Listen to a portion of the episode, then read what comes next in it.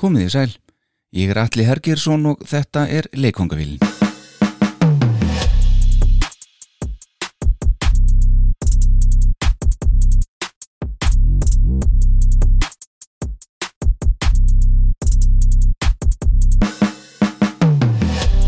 Í þetta skiptið ætlum við að kíkja á afar áhugaverðarsögu af hljómsveit sem kemur frá söðurhluta Veils.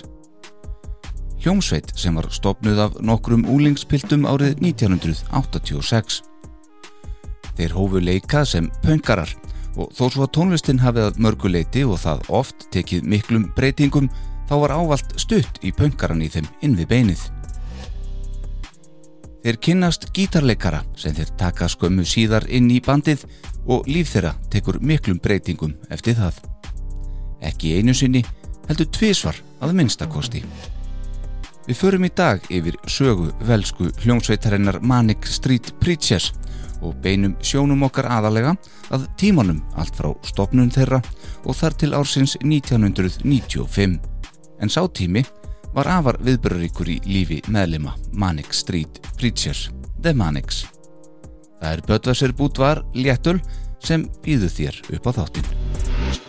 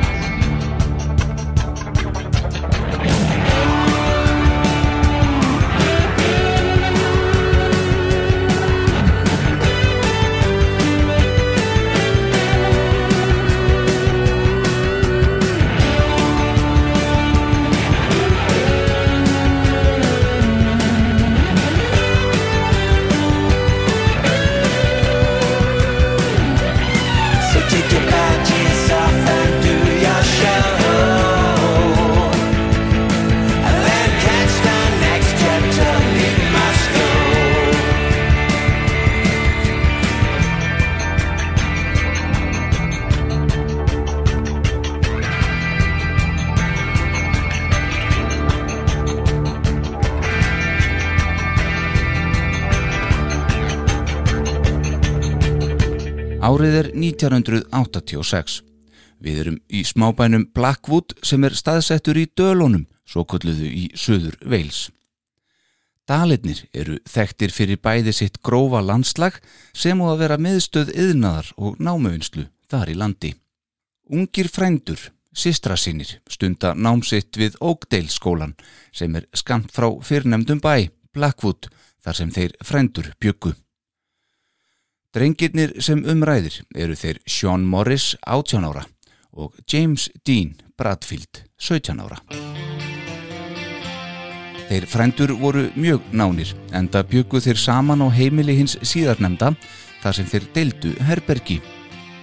Fóreldrar Sean Morris skildu nokkrum árum fyrr og var honum því í framaldi komið fyrir hjá Bradfield fjölskyldunni til að auka lífskeiði hans.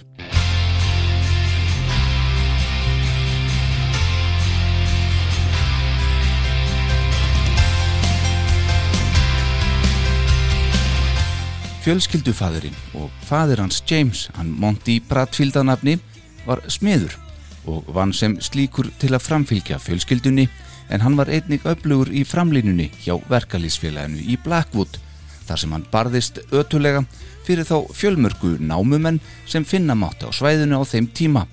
Og má þar helst nefna hið fræga verkvall námumanna á áránum 1984 til 85 þar sem kólanámu yðnaður í Gjörvöldu Breitlandi lagðist niður í heilt ár nánast upp á dag.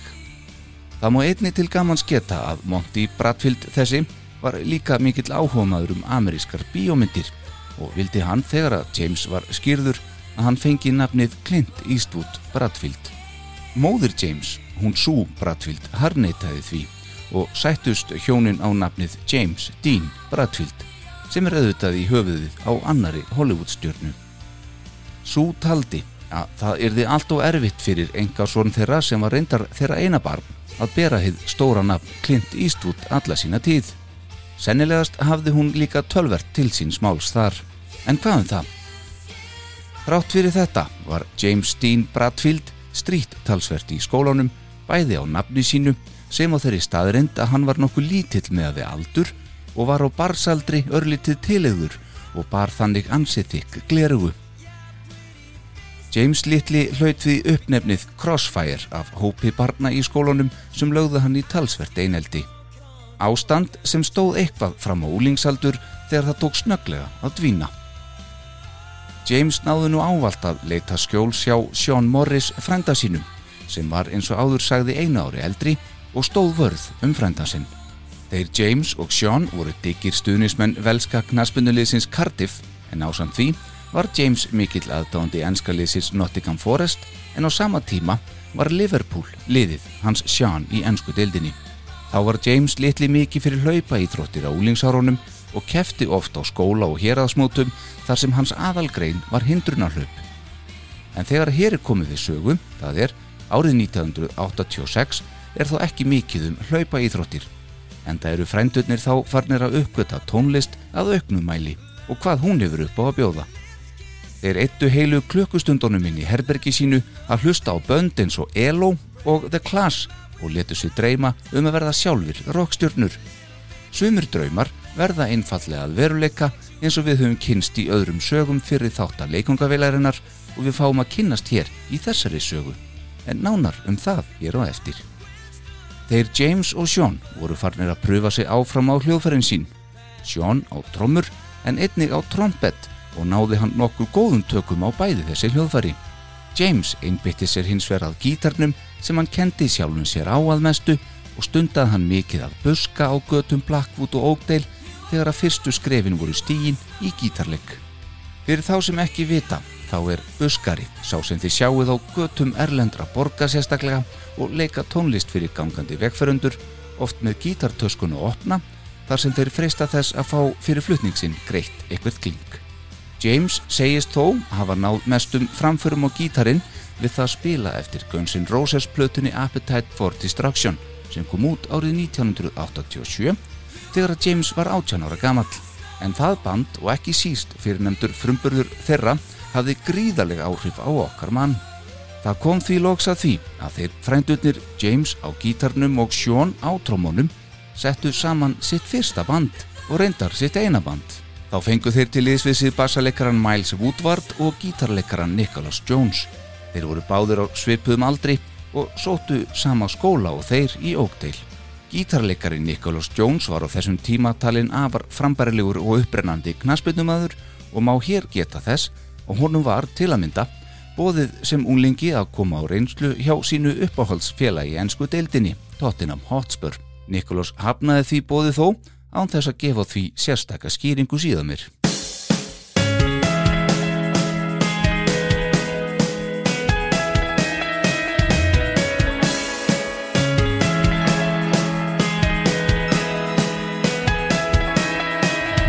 Það er enn 1986 og nýja bandið fær nafnið Manic Street Preachers og má reka nafnagiftina til þess tíma þegar að James var að buska. Þá lendi honum upp á kant við heimilislausan mann sem hafði slegið hálgerðu egnarhaldi á götuhorn eitt sem James hugðist koma sig fyrir á. Í þeim rifrildum þeirra á milli spurði sá heimilislausi í öskurtón hvort að James væri manískur götupredikari eða Manic Street Preacher. Nafn sem James fannst nokkuð skemmtilegt og grípandi. Í tvö ár störfuðu Manic Street Preachers svona skipaðir og spiluðu víða í klúbunum hér og þar í Wales, bæði með eitthvað frumsandri tónlist en einni voru tökulög á prógraminu frá hinum og þessum hljómsveitum. Það var svo árið 1988 að Miles Woodward basalegari var ekki að fíla í hvað átt bandið var að stefna. Þeir hefðu byrjað sína vegferð undir nokkuð miklum punk áhrifum en Miles fannst þeir vera hverfa of mikið frá þeirri stefnu sem honum hugnaðist alls ekki og ákvað hann að yfirgefa bandið. Áfram heldu þeir hinir þó sem tríó og Nicholas Jones sem þarna hafi tekið upp listamannsnafnið Nicky Wire færði sig einfallega á bassan í stað Miles. James Dean hafði nefnilega frá degi eitt verið sá sem sá bæðum söng og sólogítarleikarinn í bandinu á meðan að Nicky hafði ávalt haldið um rithmagítarinn. Manic Street Preachers hóf því störf sem tríó árið 1988 og brottfur Miles Woodward tröflaði þá lítið þar sem að Nicky Wire naut sín á bassanum og samstarfið gekk vel. Verkaskiptingin var nokkuð skýr. Frændurnir James og Sean sáu um að semja tónlistina og Nicky sá um textagerðina en það leg svo yðja í höndum hans. Kanski var það bara honum í blóði borið því eldri bróður hans, Patrick Jones, er eitt fremsta skáld og leikrita höfundur veils síðari tíma. Þá tóku þeir James og Nicky einnig að skipta á milli sín söngnum í bandinu þó svo að James hafi lagt þar fram krafta sína í ögn meira mæli. Mjög öflug spilamennska tók nú við hjá bandinu innan veils. Það var á þessum tíma sem þeir kynntust frekar áhugaverðum dreng að þeim fannst. Hann mætti á marga þeirra tónleikum og áður en þeir vissu af var hann farin að keira bandið á milli staða og hjálpa til við að róta fyrir þá. Það er bera hljóðfæri og magnara inn á staðina og stilla upp á sviðinu með þeim. Þá var hann einnig fljótt farin að hanna öll plakkut og annað efni fyrir okkar menn. Þessi drengur var tveimur árum eldri en James og hétt Richard James Edwards, oftast kallaður Richie James eða Richie Edwards. Í þessari frásögn skulum við notast við það síðarnemda, Richie Edwards, og á hann svo sannarlega eftir að koma við sögu í þessari frásögn. En áfram höldum við. Þremenningunum í Manic Street Preachers fannst Richie þessi vera ansi áhugaverður eins og áður sagði og honum var nokkuð margt til lista lagt.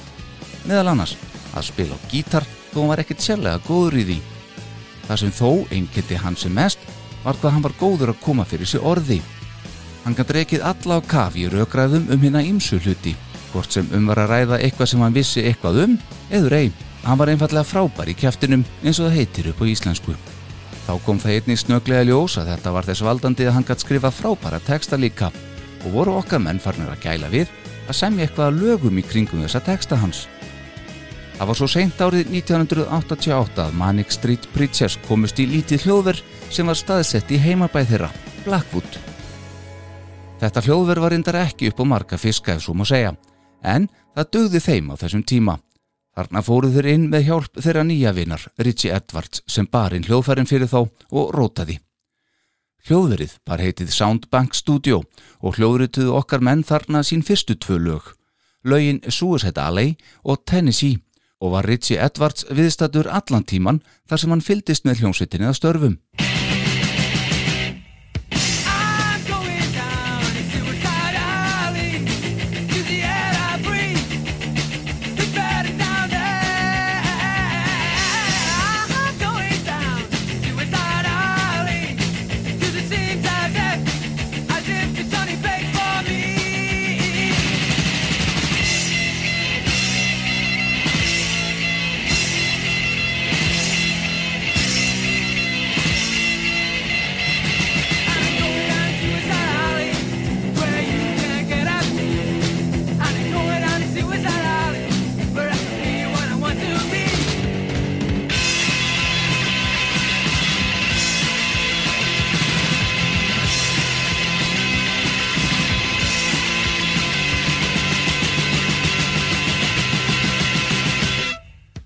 Afraksturinn var því næst gefin út á sjötómi vínil sem smáskifa undir nafninu Suicide Alley með samnömt lag á A-lið en Tennessee á B-lið lag sem síðar átti eftir að koma út á þeirra fyrstu breyðskjöfu í tölvert betri upptöku.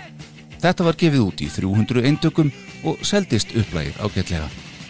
Í dag gengur eintakið af þessari 300 eintaka pressu kaupum og sölum á netinu oft fyrir gífurlega háar fjárhæðir.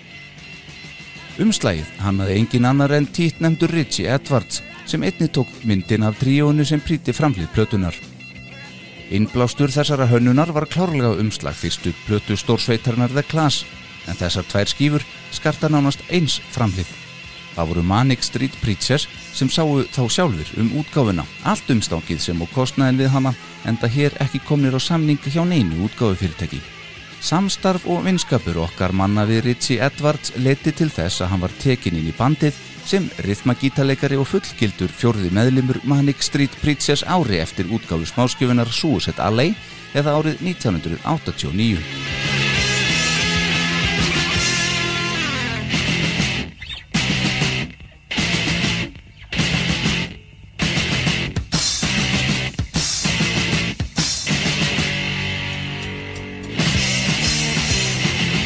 Sökum þess hversu góður Ritchie var í kjæftinum eins og við fórum yfir áðan, þá var hann strax gerður að einhvers konar talsmanni bandsins útáfið. Þá fór bandið að notast að miklu mæli við textana hans sem þóttu afar framústefnulegir og þroskaðir með við drenga á hans aldri. Raunin er svo að oft þegar að bandið kom fram á tónleikum upp frá þessu var Ritchie ekki einu sinni með gítari sinn tengdan við magnara en textasmið hans var öllu betri en gítalekur hans. Einnig átti Ritchie það til að verða frekar drukkin þegar að koma tónleikum og voru menn því hér engum að sækjast í heildarlúkið sem hann gaf bandinu, frekar en framlag hans á gítarin, auka auðvita, textana hans fyrirnemdu. Það var svo auðvitað Ritchie sem kom því í gegn að bæði lögin á smáskifinu þeirra komu út á sapplötunni Underground Rockers Vol. 2. Hún kom út árið 1989. Það var útgáfi fyrirtæki Link Record sem gaf þá skifu út en áður hafði Mark Brennan, eigandi þessarar útgáfu sem einnig var bassaleikari ennsku punksveitarinnar The Business, neitað bandinu um að vera með á fyrrnemdri sapplötu. Tiltal Ritchie skilaði þeim sem satt þeim árangri að bæði lögin voru látin fljóta með. Manic Street Preachers fengu þó ekkert nema kærkomna kynninguna fyrir að vera með en allur ágóði plötunar rann til góðgeramála. Þetta var að sjálfsögðu mikið gæfu skref fyrir okkar menn sem skilaði þeim þeirra fyrsta plötusamning árið 1990. Hér var ekki um að ræða neitt risasamning þó en hann gerði þó það sem hann átt að gera, lifta bandinu til frekari frama. Samningurinn var við litla óháða útgáfu er ber heitið Damaged Good Records og er enn til í dag. Gríðarlega margar hljómsveitir hafa byrjað sinn feril hjá þeirri útgáfu og má þar nefna bönd eins og Atari Teenage Riot, Adam and the Ants og Asian Dub Foundation. Samningur okkar manna hljóðaði upp á eina EP-plötu, það er eina fjóralaga stuttskifu. Damaged Good Records útvegaði okkar mönnum mun betra hljóðveri en þeir höfðu kynst sem á upptökustjórunum Robin Evans og Mark Tempest nokkur sá um tæknimólinn. Upptökur fóru fram í Englandi í mars 1990 og kom platan þeirra út þann 22. júni þetta sama ár undir heitinu New Art Riot. Laugin fjögur voru eins og áður eftir frændurna tvo, James og Sean og textana sömdu þeir saman bassalekarinn Nicky Wire og hinn nýju meðlimur bandsins Richie Edwards sem hér leik einni á gítar í fyrsta skipti á upptökum í hljómsveitinni. Það er Gítarinn hans var nú tengdur við mixerinn og framlag hans því hljóritað.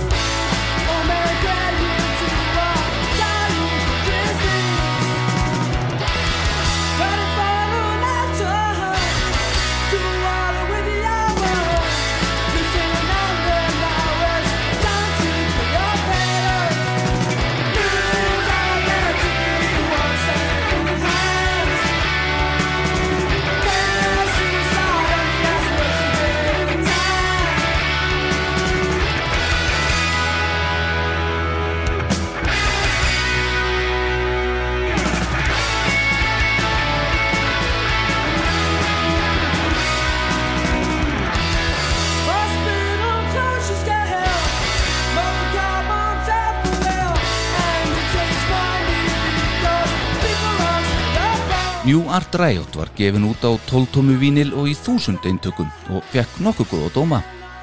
Til að mynda valdi breska tónlistatímaritið Melody Maker hana sem plötu vikunar og þar með var nokkuð góð umfjöllun um hana orðið nokkuð sjálfsögð hjá öðrum miðlum. Manic Street Preachers voru nú farnir að vekja aðtegli og ekki bara fyrir tónlistina sjálfa heldur einni fyrir nokkuð pönkaða og grófa framkomu hvort sem var á sviði, viðtölum eða, í textum sínum oftar en ekki vegna aðkomu Ritchie Edwards. Það var svo síðla árs árið 1990 þar sem að öllu starri útgáfa nældi í undirskrift Manic Street Preachers sem nú voru oft einni þekktir undir nafninu The Manics.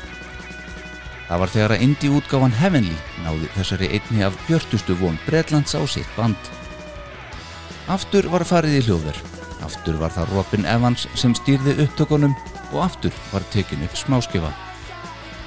Núna voru það lögin Sorrow 16 sem príti bjelliðina á samt læginu We, Her Majesty Prisoners og svo Motown Junk sem var aðliðarlægið og er enn þann dag í dag spilað á flestum tónleikum The Manics.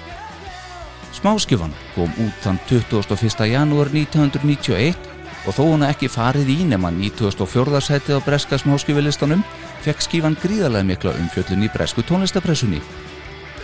Ekki var öll umfjöllunin þó á jákvæðunótonum The Manics voru þarna ennþá með töluvert aggressíft viðhorf og textar þeirra oft fremur beittir og stundum jafnvel meðandi. Má þá oft rekja þá texta til Ritchie Edwards. Til að mynda má finna þetta textabrót í fyrrnendulagi Motown Junk. Motown, Motown Junk. I laughed when Lennon got shot. 21 years of living and nothing means anything to me.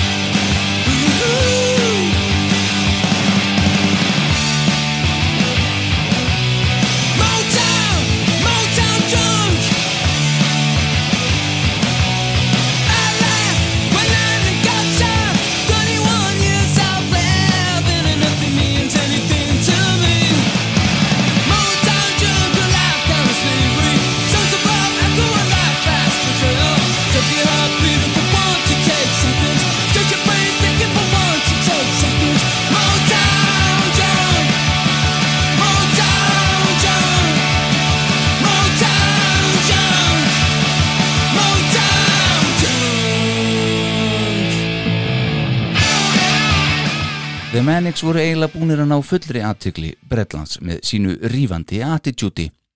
Heavenly útgáfan vildi ólmir og eðlilega að Manics færu beint í hljóðverið aftur til að taka upp enn eina smáskjöfuna og hamra þannig járnið á meðan það væri snögg hittnandi.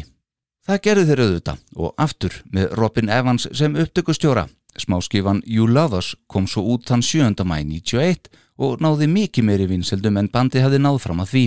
Hún fór í 60. og annað setið á breska smáskifilistunum árið 1991 og alla leið í það 16. árið síðar, árið 1992. Þess má til gamans geta að á bjellið endurútgáfu þessara skífu má finna Guns N' Roses lægið It's So Easy en í flutningi okkar manna núna sem var tekið upp á tónleikum þeirra í London þann 4. september árið 1991. Frækt er orðið þegar að Ritchie Edwards skar orðin for real með rakvelarblöðum á handleikin á sér í miðjuviðtali við New Musical Express tónlistablaðið sem svar við spurningu bladamanns varandi hversu alvarlega hann og bandið tækju sig sem listamann. Ritchie var því næst fluttur á sjúkrahús þar sem saunuð voru hátt í 20 spóri handleikans til að stöða blæðinguna, svo djúft fór hann. Viðhorf og hegðun The Manics var nú búið að gera það að verkum að bandið var orðið uppáhalds við fangsefni langflestara tónlistablaðamanna sem auðvitað elskuð að skrifa fréttir um vondustrákana.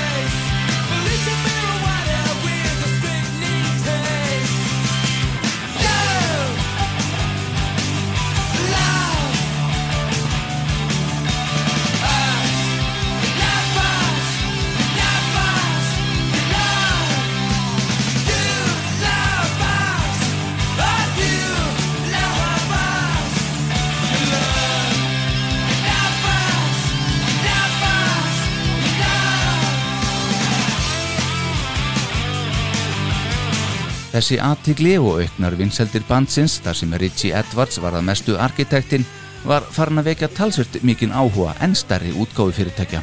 Nokkurir risar í bransanum fór að berjast um þennan svera bita sem The Manics voru ornir sem endaði því að þeir gerðu sinn feitasta plötusamning til þessa við San Colombia og hófað hljóðrita sína fyrstu breyðskifu í júli 1991 loksins. Steve Brown var fengið til að stýra upptökunum sem stóðu allt fram í desember 91. Upptökunar fóru fram í Blackburn hljóðurni í London. Gaggrinendur sem og aðdáðundur sveitarinnar byðu í ofðani eftir fyrstu breyðskifu okkar manna. Ekki skemmti fyrir að á meðan að upptökuferlinu stóð lofuðu meðlimir The Manics í viðtali að von væri á og ég hef tilveitnun bestu rockblötu sem komið hefur út og mun seljast í cirka 16 miljónum eintaka út um allan heim, allt frá Bangkok til Senegal. Tilvinnum líkur. Ekki náðu þeir þessum sölutölum þegar platan þeirra Generation Terrorist kom út þann 10. februar 1992 en hún fór þó mjög fljótlega gull í Breitlandi sem eru 100.000 selda eintök. Þá náði hún í 13. sæti á sölulistum þar í landi en allalegin í efsta sætið á breska rockblötulistunum sem var vel gert. Þá seldist hún nokkuð vel annar staðar og náðu til að mynda í 60. sætið í Japan. Sölutölur urðu 250.000 eintök á heimsvísu en erfiðast var fyrir þá að brjóta múrin í bandaríkjónum þar sem þessi fyrsta breyðskifa þeirra seldist ekki nema 35.000 eintökum, ekki nema. Hér var ekkit um neina bestu rocklutu allra tíma að ræða, samkvæmt þeim sem hér talar þið minnst að þó meðlimir hafi fyrirfram lofaði. Þetta er þó hinn ágætasta plata. Það sem er einna sérstakast við þessa plötu eru þó tvær staðrindir. Svo fyrri er að nánast engan höfbundan trommuleikar að finna á þessari plötu. Heldur eru þar að mestu leiti teknar upp á trommuheila. Hinn sérstakast staðrindin er að Richie Edwards týtnendur spilar ekki nótu á plötunni þó hann sé skráður sem rithmagítarleikari á umslæginu. Hann var einfallega ekki talið nægilega góður til að skila af sér því starfi. Því þurfti hann að láta sér næja að semja textana á móti Nicky Wire basalegara eins og vanalega og voru þeir orðin nokkuð pólitískir í þetta skiptið. Á meðan voru það frændutni tveir, þeir James Dean Bradfield og Sean Morris sem sáu um að semja sjálfa tónlistina, nú sem áður. En þar sem Richie Edwards hafði fram að þessu starfað sem sérstakur hönnuður fyrir bandið eftir komið sínaði þeirra röð þá átti hann hlutað hönnun á umslægi þessara plötu en framlið hennar skartar einmitt mynd af bringu hans og vinstri hönd.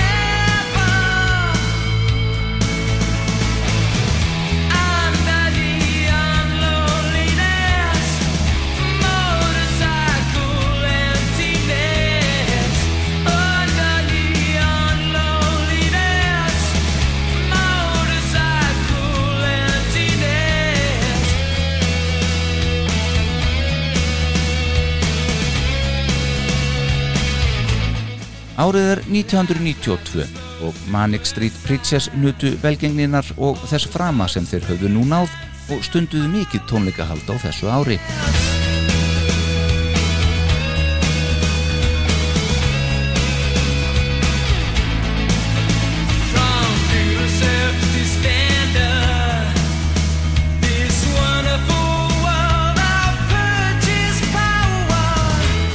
Höfðu þeir James, Sean og Nicky tölvert meira gaman að lífinu þessum tíma heldur en Richie greið. En hann glýmdi við alvarlegt þunglindi og stundaði það ítrakað að vinna sjálfum sér megin. Það gerði hann sérstaklega með því að skera sig með rakvelablöðum en einnig stundaði hann að drepa í síkarettum á húðsinni. Í bland við þetta misnotaði hann áfengi mjög illa. Og van á þetta allt glimti hann einnig við mikið svefleysi og var komin á þann staða til að geta sofið var þann að deyja áfengistöða nánast á hverju einasta kvöldi. Engungu til að geta kreist fram eitthvað svefn. Djöfulugur vítaringur þar á ferð.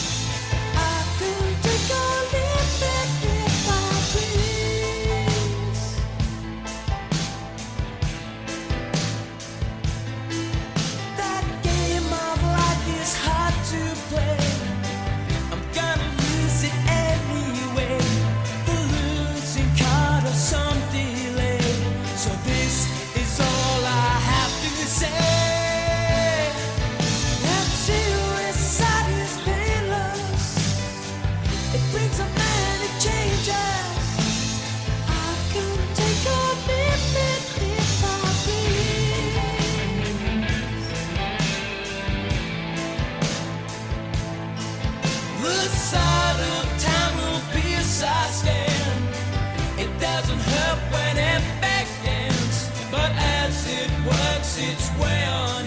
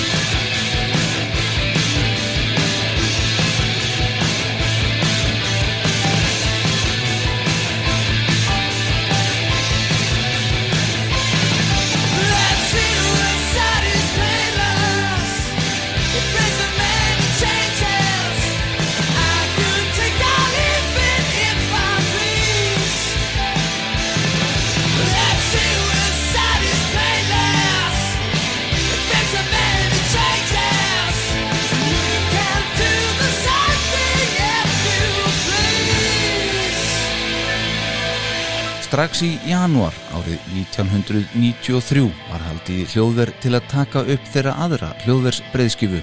Þá var farið í Outside Studios sem var staðsett í gömlu sveitarsetri frá 16. öld rétt við smábáinn Checkendon um 15 km norður af Redding í Englandi. Enski upptökustjórin David Eringa tók að sér að stýra upptökunum en hann átti eftir að vinna með þeim aftur síðar og í fjölmörg skipti eftir þetta sem upptökustjóri. Þeir höfðu reyndar kynstónum fyrst við upptökur á þeirra fyrstu breyðskifu þar sem að David spilaði á piano og orgel og þeim var vel til vinna. Platan þeirra, Gold Against the Soul, kom svo út þann 21. júni 1993 og fór hún beint í áttundasætið á breska listunum og fór fljótlega í gull enda lúrði hún á topplistunum í tíu vikur. Þá seldist hún einni gríðarlega vel í öðrum löndum og má þar nefna bæði Þískaland og Japan. Manic Street Preachers, The Manics, voru mættir fyrir alvöru.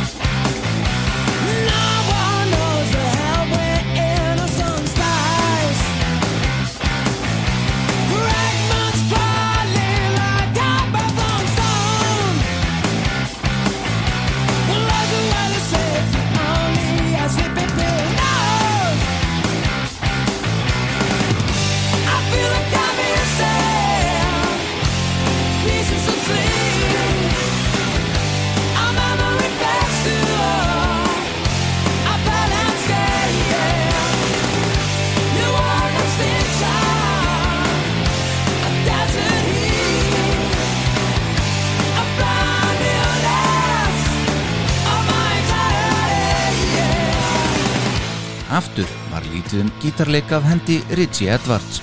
Þó spilaði hann í einu lagan á blötunni. Hann kom þess í stað sterkur inn í bakröðunum ásamt auðvitað textagerðinni til cirka japs við bassaleikara Nicky Wire. Platan aflaði bandinu mikils fjölda nýra aðdáanda þar sem nú var tónlistin að öllu jöfnu orðin nokkuð léttar en áður sem var aftur á móti einmitt það sem fór einna helst í taugarnar á gaggrinendum sem þó gátt ekki annað en gefi plötunni góða engun en þrátt fyrir það þá vildu þeir alls ekki að pöngið og attitúti í The Manics tæki enda. Því það voru jú óþekkustrákanir eins og The Manics sem seldu blöðin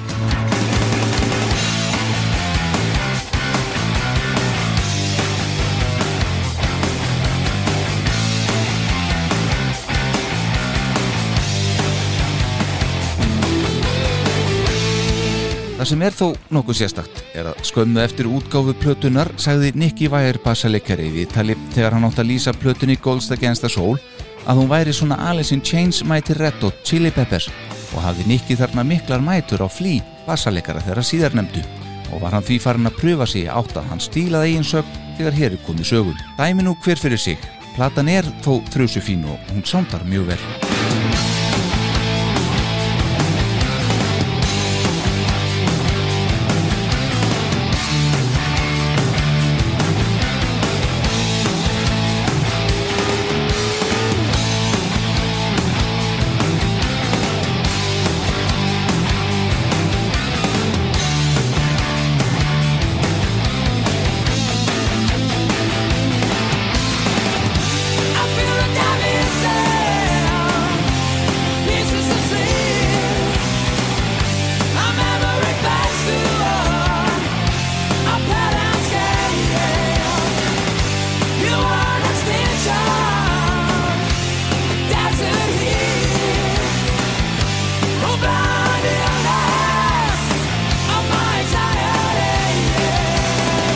Þriðja smáskjána þessari annari breiðskjöðu þeirra var svolítið sér á báti innan um önnur lög plötunar.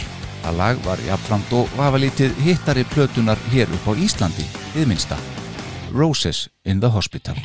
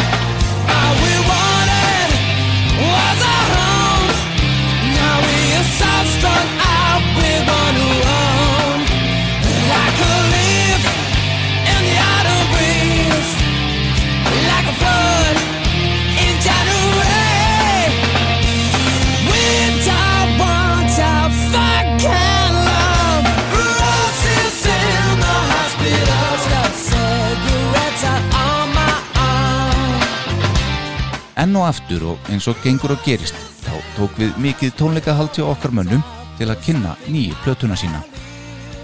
Í miðju þvíferli gengu þau Nicky Wire og Rachel, kærasta hans frá úlingsaldri í hjónaband.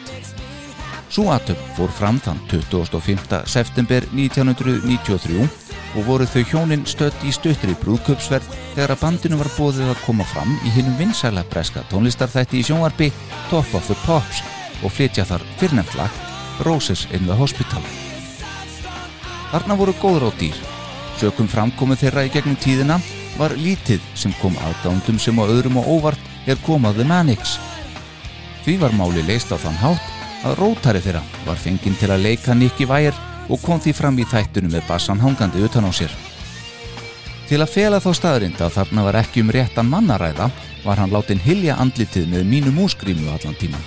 Allt eðlilegt þar, óborganlegt aðtriði. En hvað um það? Nú fór heldur betur að draga til tíðunda hjá okkar mönnum. Þeir voru jú ennþá að reyna að brjóta niður múrin á bandaríska markanum þar sem lítið gekk. Tíðindin sem voru á næsta leiti voru stór og höfðu djúb áhrif á þá alla.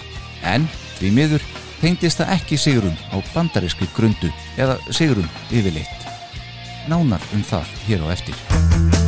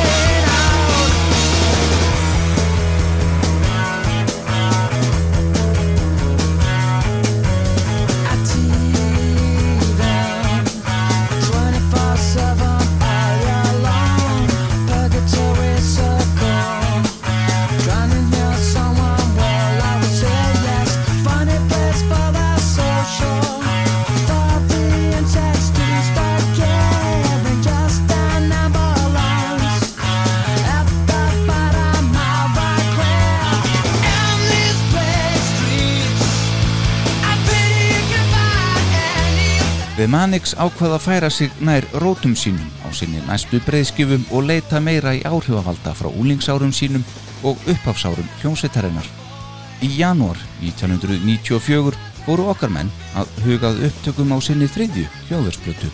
Columbia útgáfan lagði til fullkomið hljóðver á Barbados í Karabíska hafinu sem bandið neitaði. Þeir ætluðu ekki að leiða sjálfa sig til slátrunar í hinnu fullkomna rockstjörnulífi, ef svo mætti segja, og klúra þá jafnvel hlutunum þar. Nei, í staðin ákveða þeir að taka upp plötuna í borginni Cardiff í heimalandinu og stýra upptökunum sjálfur í þetta skiptið. Það er, ef frá er talið lagið She is Suffering, en það var þeirra gamli vinur Steve Brown sem satt við stýrið við upptökum á því eina lagi. Sá hinn sami Steve og stýrði upptökunum á þeirra fyrstu breyðskifu þarna nokkur árum fyrr. Richie Edwards var lagður tímabundið inn á The Priory geðsjúkrahúsið í London þar sem geðhilsu hans hafði hrakað allverulega hér. Eftir að Edwards var útskrifaður af The Priory hófust upptökur á þessari þriðju plötu The Manics og fóru þær fram í Soundspace hljóðurinn í Cardiff á vormánuðum ársins 1994. Afurðin leitt svo dagsins ljós þann 30. ágúst sama ár. Platan sem ber það stóra heiti The Holy Bible hitti ekki strax í mark hjá gaggrínendum og þó hún hafi náð í sjötta sætið á breska listanum við útgáfu þá tók það hana tíu ár að seljast í 500.000 eintökum á heimsvísu. Tekstarplötunar þykja nokkuð pólitískir enn og eftir og þá skein mannlíðan Richie Edwards í gegn í tekstum hans þar sem þjáning mannsins var honum hugleikið yrkisefni á þessari plötu en Richie var afarlangt niðri í þunglindi sínu við upptökur á plötunni. Svo djúft fóram að aðrir meðlimir bandsins höfðu verulegar áhyggjur á félaga sínum og þeim leist reynd ekkert á stöðuna á honum. Þá hafði hann þróað með sér anorexju ofan á allt annað og vó hann ekki nema rétt um 40 kíló þessum tíma. En náðu okkar menn ekki í gegn í bandaríkjónum en þessari plötu var algjörlega hafnað þar í landi. Sennilega hefur bæði nafn plötunar, The Holy Bible og hvað þó yrkisefni hennar ekki verið rétt af vopnið í þeirri baróttu. Þá mátti finna lag á plötunni sem bar vafasamt nafn gagvart bandaríkjónum. If white America told the truth for one day, its world would fall apart. Bandaríkjumenn höfðu engan húmor fyrir þessu. Það verður þó að taka það fram að tíminn hefur leitt annan sannleika í ljós. Margir af virtustu tónlistarblaðamennum heims hafa sett plötuna The Holy Bible í flokk bestu plakna tíunda áratugurins, það er The 90s. Til að mynda sjálfur David Frick á Rolling Stone og svo önnur blöð eins og Melody Maker, New Musical Express og Stylus Magazine. En það er platan mjög góð. Það kveðu við nokkur nýjan tón frá hinu tveimur sem undan komu. En í framaldi af útgáfu hennar var sett í gang heljarinnar tónleikaferralag um heiminn og átti túrin að standa vel fram á næsta ár. Hann hófst í Tælandi í september 1994 og eftir heimsóknir til fjöldalanda þar sem Manic Street Preachers komu fram á tugum tónleika og oftar en ekki án Richie Edwards þar sem hann hafði ekki orku og eða vilja til. Þeir enduðu þá árið á Breitlandstúr sem farin var á samt hljómsveitónum Suede og Therapy. Planið var að taka loks smá kvildarpásu yfir komandi jól en hefja þá bandaríkjaleg tónleikaferða sinnar snemma á árunni eftir eða 1995. Síðustu tónleikar bandsins fyrir fyrrnemt frí fóru fram á London Astoria í London þann 21. desember 1994. Richie Edwards tók einmitt þátt í þessum tónleikum en þetta átti eftir að verða síðustu tónleikarnir sem hann spilaði á. Eitthvað sem engum grunaði þegar á þeim stóð en hann kvatti með stæl. En bandið endaði tónleikana og þar með árið með því að rústa öllu á sviðinu. Bæði sínum eigin eigum, svo sem hljóðferðum og öðru, en einnig öllum ljósabúnaði og fleiru í eigu London Astoria og var það auðvitað hinn óþekki Richie Edwards sem hóflætin og hinnir fylgdu með. Tjón upp á næstum 30.000 pund, takk fyrir, sem bandið þurft að reyða fram, sennilega með brósofur. Pöngið var svo sannlega ekki dögt úr öllum æðum okkar manna eftir allt. Gleðli jól!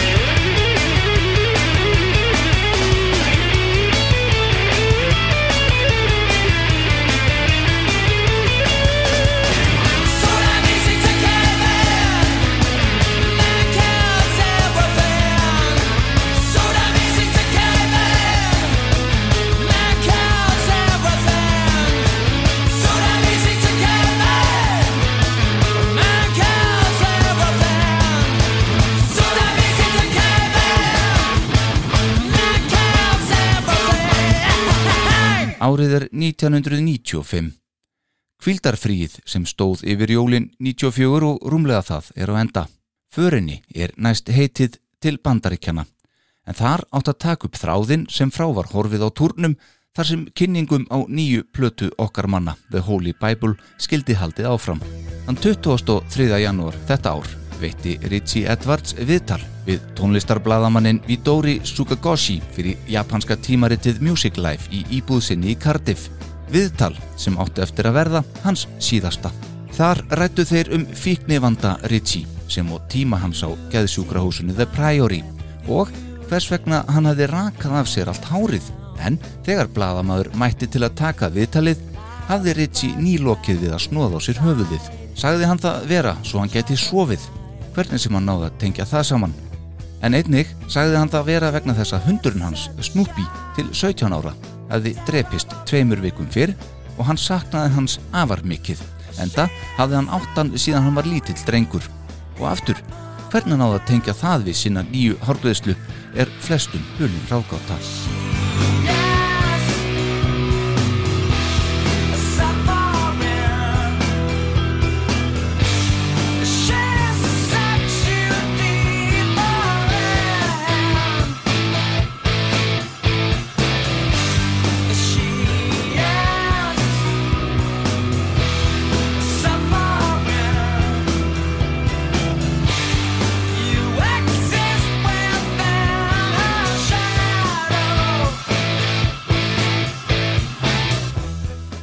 talaði hann eitthvað um ástarlíf sitt en Ritchie hafði verið sundur og saman við æsku ástina sína hannan Joe síðustu árin en þegar að viðtalið var tekið voru þau einmitt ekki saman.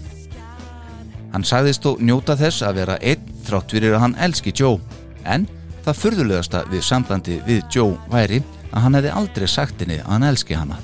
Viðtalinu lauk og bladamaður tók ekki eftir neinu sérstaklega furðulegu. Það er engu umfram það sem von var á þegar að Richie Edwards var annars vegar. Bandaríkjatúrin umrætti var á næsta liti. Ákveði var að Richie, þessi góði talsmaður bansins, myndi fara út á undan bandinu til að kynna væntarlegan túr þeirra. Með honum átti James Dean Bradley að fara sem aðalsöngvari The Manics.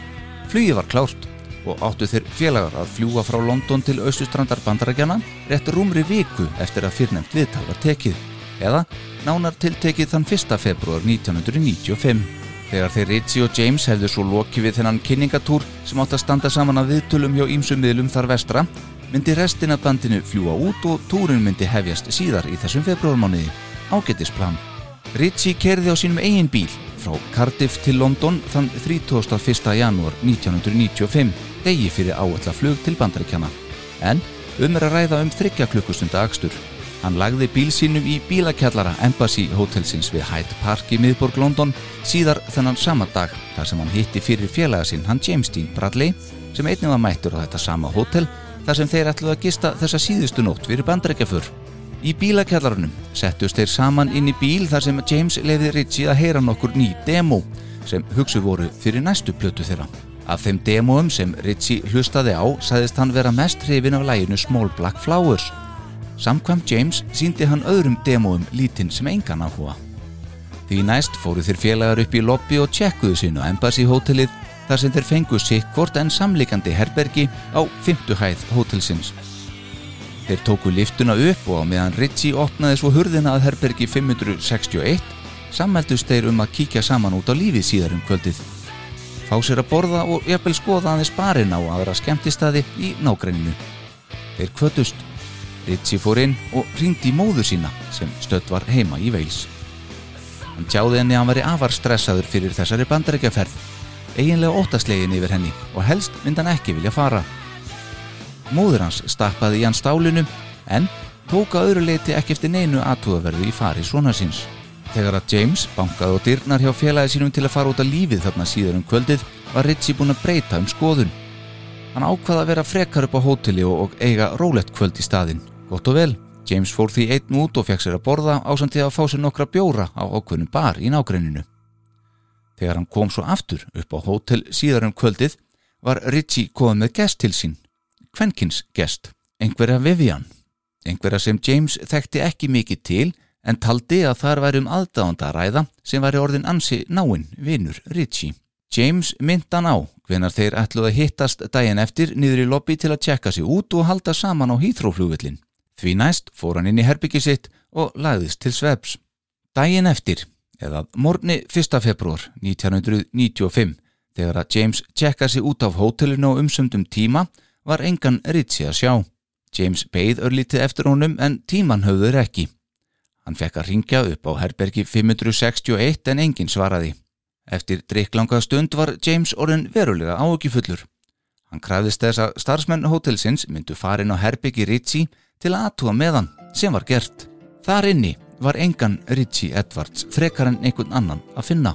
Herbergið var mannlust. Baðkarið var fullt af köldu vatni og í rúminu lág kassi í gjafaumbúðum skreittur afar dullrænum ljósmyndum og myndasögupersonum eins og Kalla Kaninu eða Bugs Bunny á samt fleirum. Þá voru ýmsar háflegar og ljóðurinnar tilvitnanir skrifaðar utan á kassan. Hann innihjælt myndbandsbólur, ljósmyndir og bækur á samt einhverju fleiru en þó lítið sem hjálpaði til við leitin að honum. Kassin var mertur Joe, hans fyrirverandi kærustu og þá stóð á honum ástarjátning til hennar. Lóksins, hann hafði aldrei sagt henni þessi orð. Á honum stóð I love you. Inn á herbyggi hans var einnig kvittun frá Surrey prentjónustu í útkverfi London frá því deginum áður og hafði Ritsi augljóslega komið þar við á leðsinu á hótelið. Sennilegast til þess að láta prenta þær myndir sem á kassanum voru, eða það veit það enginn. Kassanum var síðan komið í réttar hendur fyrir rest, hjá Joe. Ritchie var hvergi að finna. James ræsti út mannskapinn, bæði aðra meðlimi sveitarinnar sem og Martin Hall umbósmann þeirra. Ákveðu var að James færi því bara einn í kynningaferðina til bandaríkjana og meðan hófum menn leit að hinnum tínda meðlim. Nicky Weir ringdi í fjölmörg hótel innan Bretlands til að aðtóa hvort hann hefði tjekkað sig inn á eitthvað á þeim en án árangus. Umbósmaðurinn Martin Hall gerði foreldrum Ritchie viðvart sem einnig hófu nú leit á samt Rachel dóttur sinni, systur Ritchie. Allir voru farnir að óttast það versta en jafnframt vonuðu það besta en vitandi að Ritchie var auðvitað andlega veikur. 24 tímum eftir hvarf hans hóf lögreglan formlega rannsókn á málinu. Engver sagðist hafa séð til hans aka í burtu af hótelinu um klukkan 7 á morgunni 1. februar. Það geti passað þar sem bílinn hans var jú horfin úr bílakjallar hótelsins. Farangur hans var allur samt eftir upp á hótelherbyggi, bæði fötinn hans sem og allar snirtiförur og annað. Vitað var að hann var með vegabreyfið sitt með sér enda á leið vestur um haf. Hins vegar fannst vegabreyfið hans heima í hónum í Cardiff í cirka þryggja klukkustunda axtursfjarlæð. Við hlið vegabreyfsins fundust þá prósaktöflunar hans. Hér kunna margir að halda að hann hafi jafnvel glemt vegabreyfinu sínu heima. En svo var alls ekki, því hjá vegabreyfinu og prósaktöflunum lág kvittun fyrir þeim vegtolli sem greiða þurfti þegar ekki var yfir gömlu Severnbrúna sem stitti leiðin á milli Englands og Wales. Og hvena skildi svo kvittun hafi verið dagsett? Jú, þann 1. februar 1995.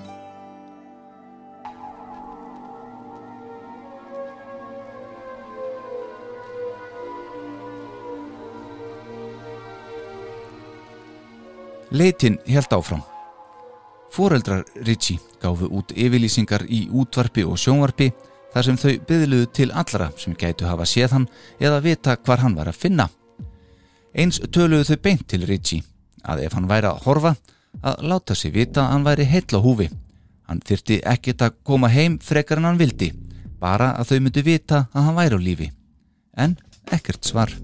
Dagarni liðu, 7. februar kom ábetting frá legubílstjóran okkurum í borginni Newport í Suður Wales þar sem hann heldi fram að hann hefði sótt Ritchie á Kings hótelið þar í borg og ekki honum um dalina. Þessa sömu dali og við heyrðum um í upphafi þessara frásagnar. Æskuslóður meðlima Manic Street Preachers, æskuslóður Ritchie. Legubílstjórin líst jónum þannig að þetta hefði jafnvel geta verið hann. Hann sagði farþegan hafa spurt hvort hann mætti leggjast í aftursætið á meðan ekki var um dalina. Eitthvað sem leigubílstjórin leiði, en á meðan fannst honum það afar skrítið. Leigubílaför þessi á að hafa endað á lestarstöðunni í Pontypool þar sem farþegin á að hafa greitt fyrir farið með peningum. Það er cirka hálftíma lestarferð frá Pontypool í Dölunum í Suður Veils og til borgarinnar Newport og það gengur einmitt lest þarna á milli. Þann 15. februar gaf laurugla frá sér yfirlýsingu þar sem einni var líst eftir Ritchie Edwards og formlega óskað eftir einhverjum sem hefðu annarkvort séð hann eða viti eitthvað um málið. Þá gaf sér fram ungur maður aðdáandi Manic Street Preachers sem sagðist hafa séðan um viku fyrr einmitt í Newport, nánar tiltekið á rútu stoppistöðinni þar í borg. Við verðum að munna að þarna er árið 1995 og þessi ungi aðdáandi sagðist ekki hafa haft vittnesku á því að hans veri saknað. En hann sé vissum að það hefði verið hann en það hafi það verið hálgerð upplifun að sjá góðið sitt í þessari nærmynd. Það hefur aldrei náðst að sannreina þessar sögur, hvorki söguna um leigubílaferðina um dalina í Suður Veils nýja stoppistöðuna í Newport. Það liðu tveir dagar í viðbútt. Það er komin 17. februar og bíl Ritchie finnst Englands megin við gömlu Severnbrúna. Það var starfsmæður við vegtóllin sem tilkynnti um bifrið sem honum fannst lægt á hálf ómögulegum stað. Þegar betur var að gáð var hérum að ræða bílinn hans Ritchie. Á honum var sekt fyrir stöðubrott dagsekt þann 14. februar. Það þýtti að bílinn hafi þó verið þarna í allavegna þrjá til fjóra daga. Rafgimmerinn var tómur og þá bar bílinn þess merki að sögn lögreglu að það veri engu öðru líkt en að einhver hefði búið honum í eitthvað tíma.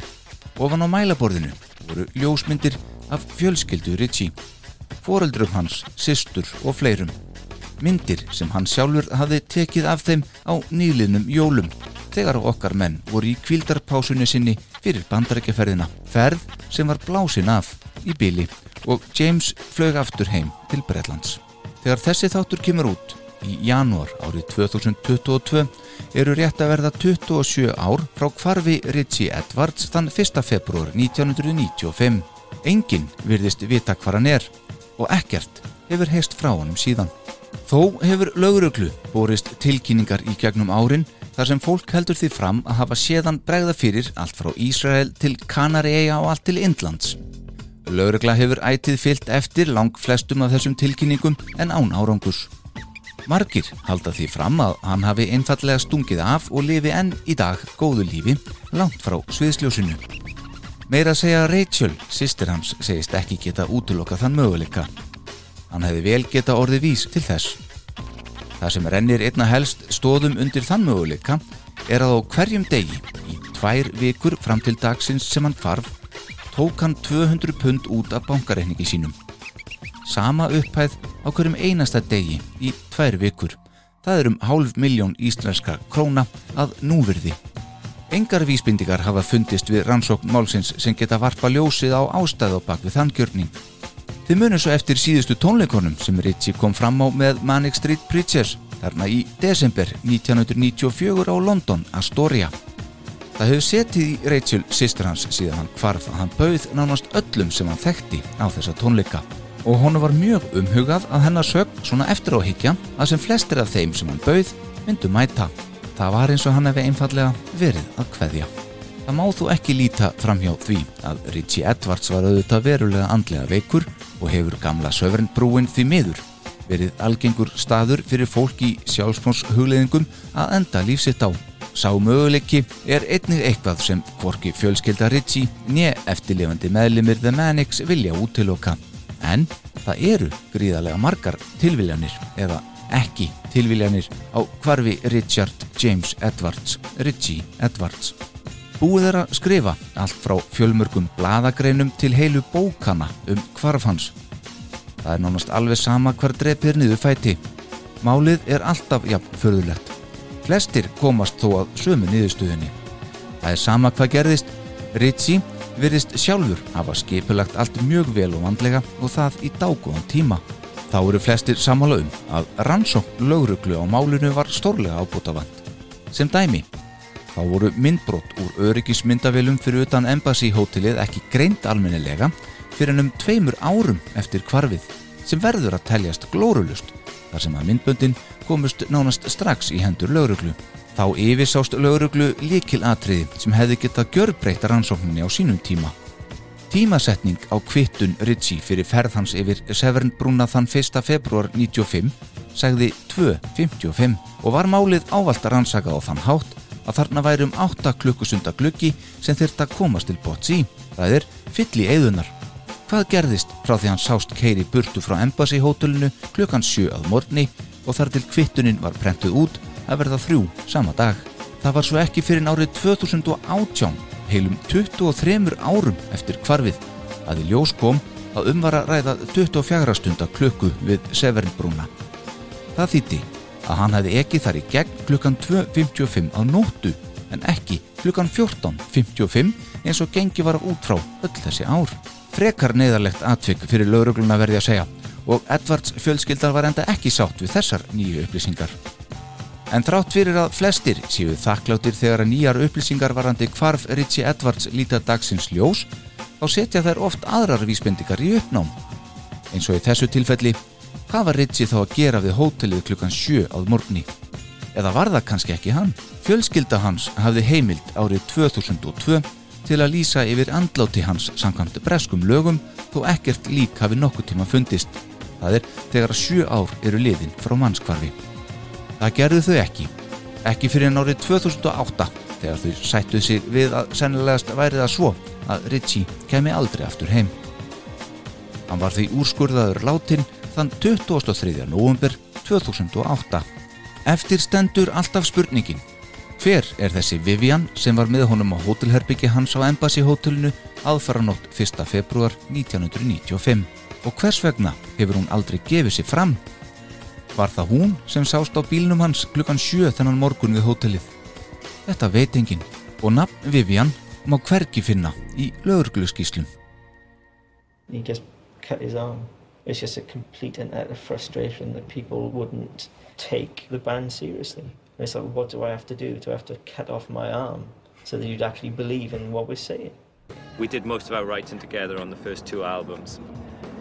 But Holy Bible was much more Richie's lyrics. He wrote about 75% probably. How did he seem at the end? I mean, like, did, did that surprise you when he? Yeah, totally. Because I mean, he seemed quite happy. But whether it was because he'd found a solution, I don't know. But he seemed quite happy. You know, like just another day. And his parents, have, you know, there's always that little hope in the back of your mind. But I think they've, you know, sort of resigned themselves to the fact that, that they're never going to find out. No one's ever going to find out. The day kind of Richie went missing, huge part of our kind of rock and roll died. As time goes by, I realise just much more tougher and committed to his art than I ever realised. I um, mean, just too much so. That's what destroyed him.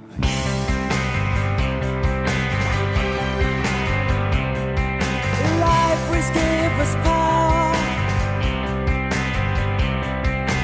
Then what came and made us free?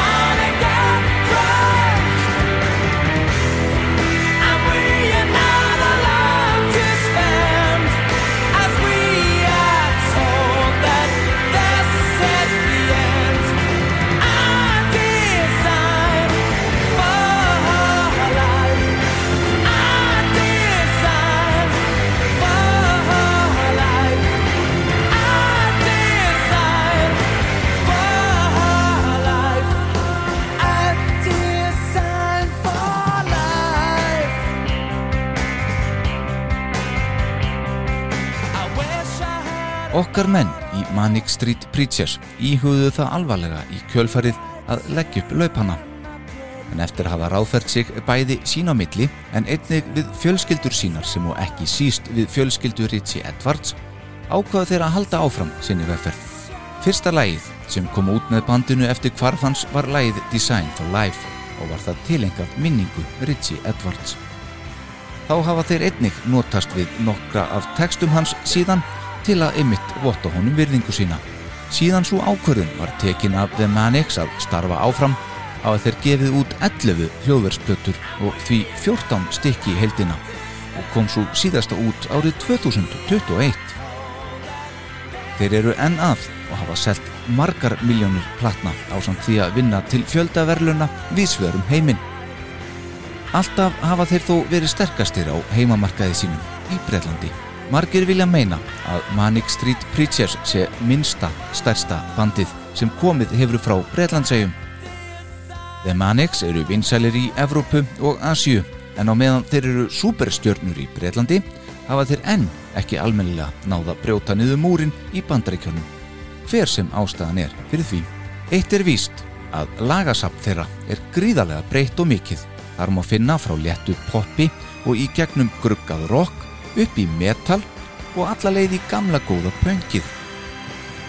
Það er ekki öll lögin þeirra frábær og síður en svo, en það ættu allir að finna eitthvað við sitt hæfi þegar farið er yfir þessar 14 plötur sem Manic Street Preachers hafa sendt frá sér. Ég minni að lokum á stjörnugjöf hlaðvarpa sem flestar veitur bjóða upp á. Hvort sem þú hlustar í gegnum Apple Podcast eða Spotify þá kynni ég verulega með það ef þú myndir gefa leikfangavélinni þína einhver ef þú hafðir gaman af. Ég er Alli Hergesson og þetta var leikfangavélin. Þanga til næst, takk fyrir að hlusta.